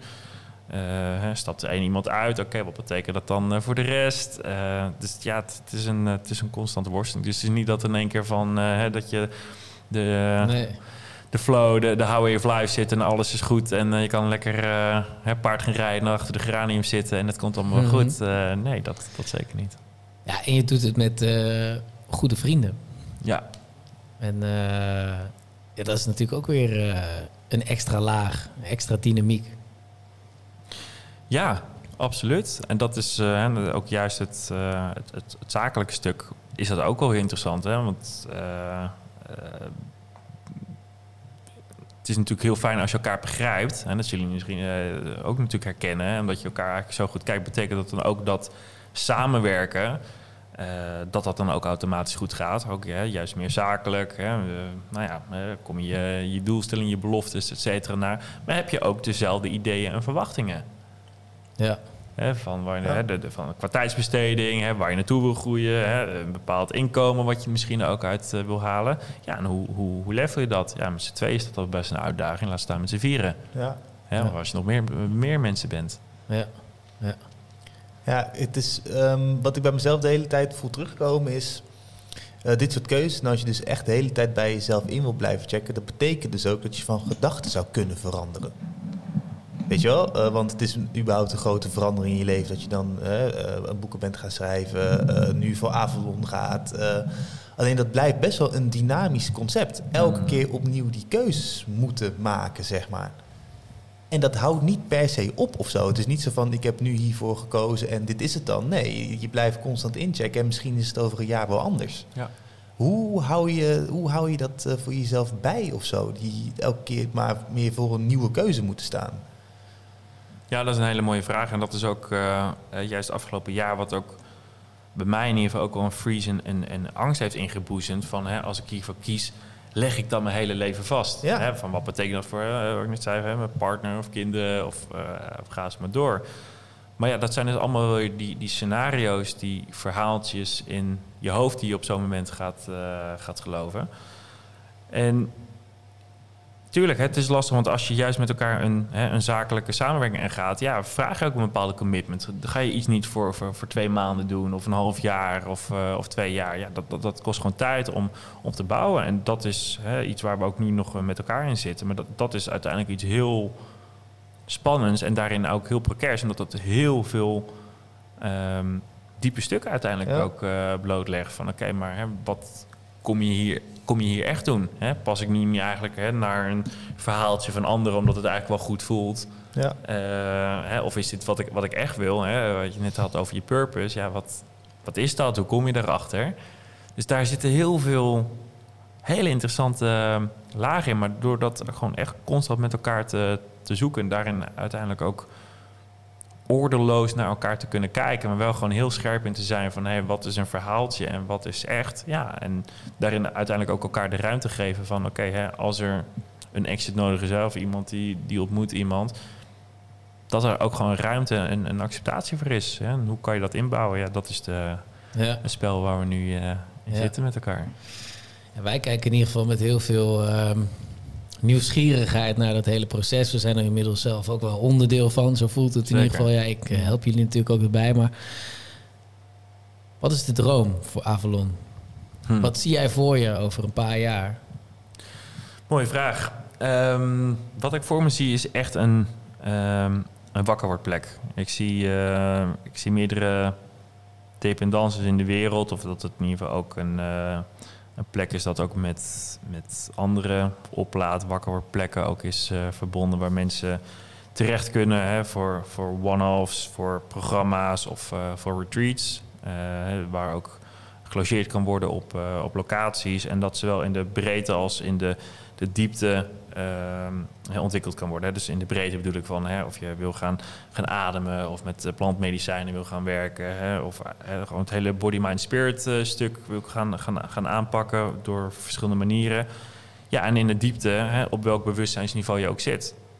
Hè, want het is net, ja, als je net mee begint, hè, of net zoals dat je voor het eerst naar school gaat, dan heeft het geen zin om met een universitaire professor dat die voor de klas eh, staat eh, te hebben. Hè, dat is- geeft vaak juist alleen maar meer verwarring en, eh, en, en afstand. Dus dat we op zowel de breedte als diepte gewoon een prachtig programma hebben met goede teachers die ja, gewoon goed zijn in hun, eh, in hun vakgebied en ja, echt kunnen geven en, en, en delen wat er nodig is voor de mensen die daarin eh, in zitten.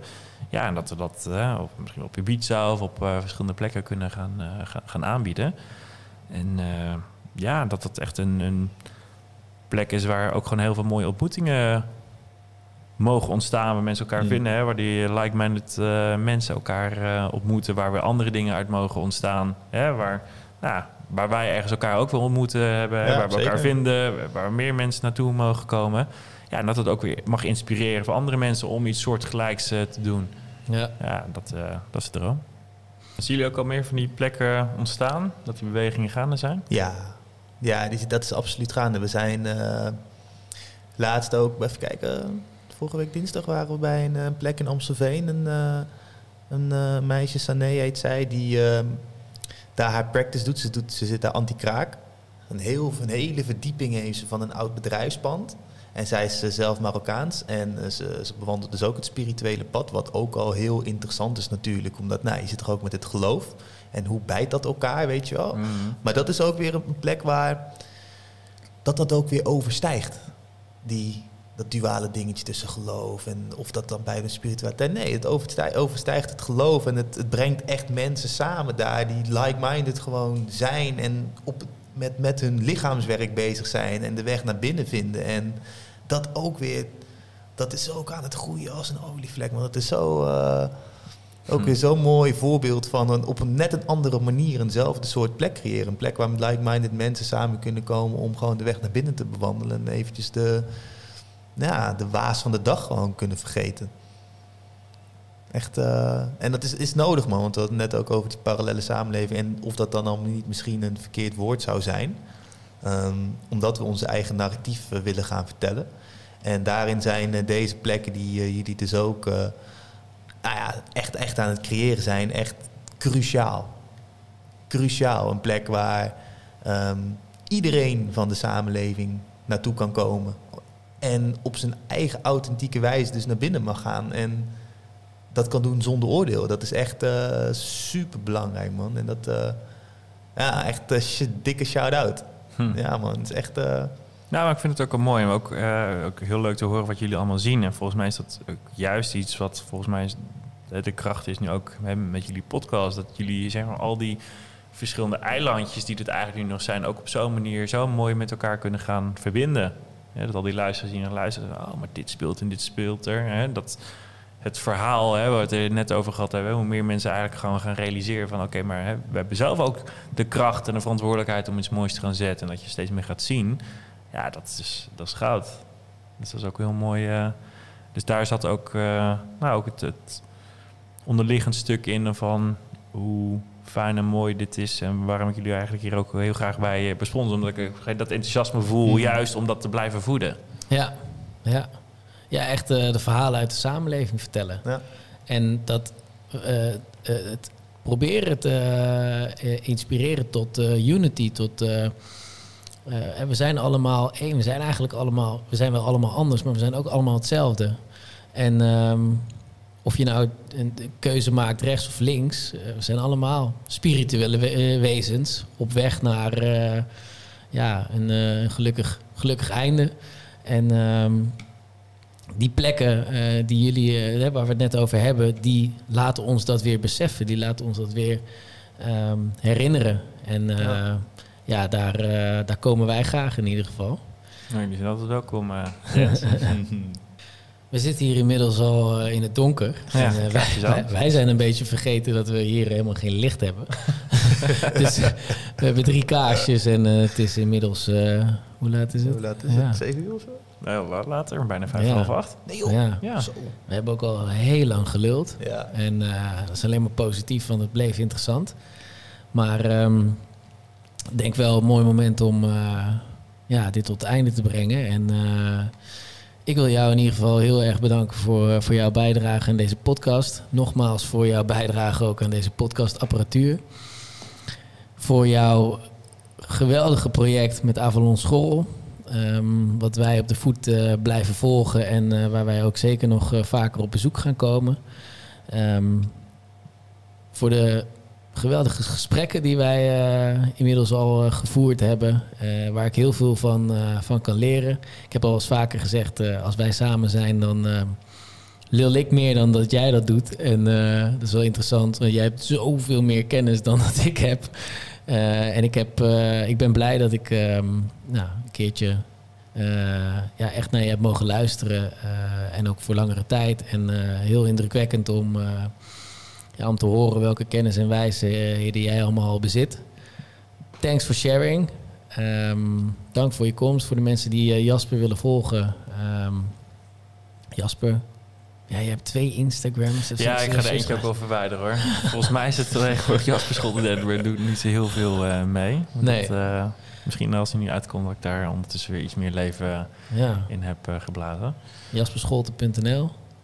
Eh, ja, dat was de, zeg maar de oude. Oh ja, oké. Ga, ik weghalen. Nou. Gewoon Jasper Scholten 13. Oké. Maar, eh, maar dankjewel eh, broeders. Ik vind het fantastisch waar jullie mee bezig zijn. Bedankt ook voor het mooie oprecht gesprek. Authentiek gesprek ook. ja, het komt uit het hart en dat is heel mooi te horen. Dus nou, heel mooi om hier ja, dit stuk ook gewoon zo met jullie te mogen delen. Dus ik wens jullie ook heel veel geluk en, en wijsheid en inspiratie toe ook met, met jullie reis eh, hierin. Ja, thanks. Echt heel tof. Thanks. Er staan mooie dingen nog te gebeuren. Geen idee wat precies, maar er komt echt veel vette shit aan, man. Ja, ja, ja, ja, ja, 100%. Echt heel erg bedankt, man. graag gedaan. Dank voor de uitnodiging. kan ons volgen, soldiers.podcast op Instagram, meditation.army, hetzelfde. Je kunt ons bericht sturen om in Meditation Army te komen, mooie ceremonies te volgen, meditaties bij te wonen, ademsessies, energetisch werk, ga zo maar door. En eh, dat was hem denk ik, hè mannen? Yes. Dat is mooi. Zo, Dank. lekker, lekker een hapje eten. Ja. Yes. Aho. Ciao. Aho.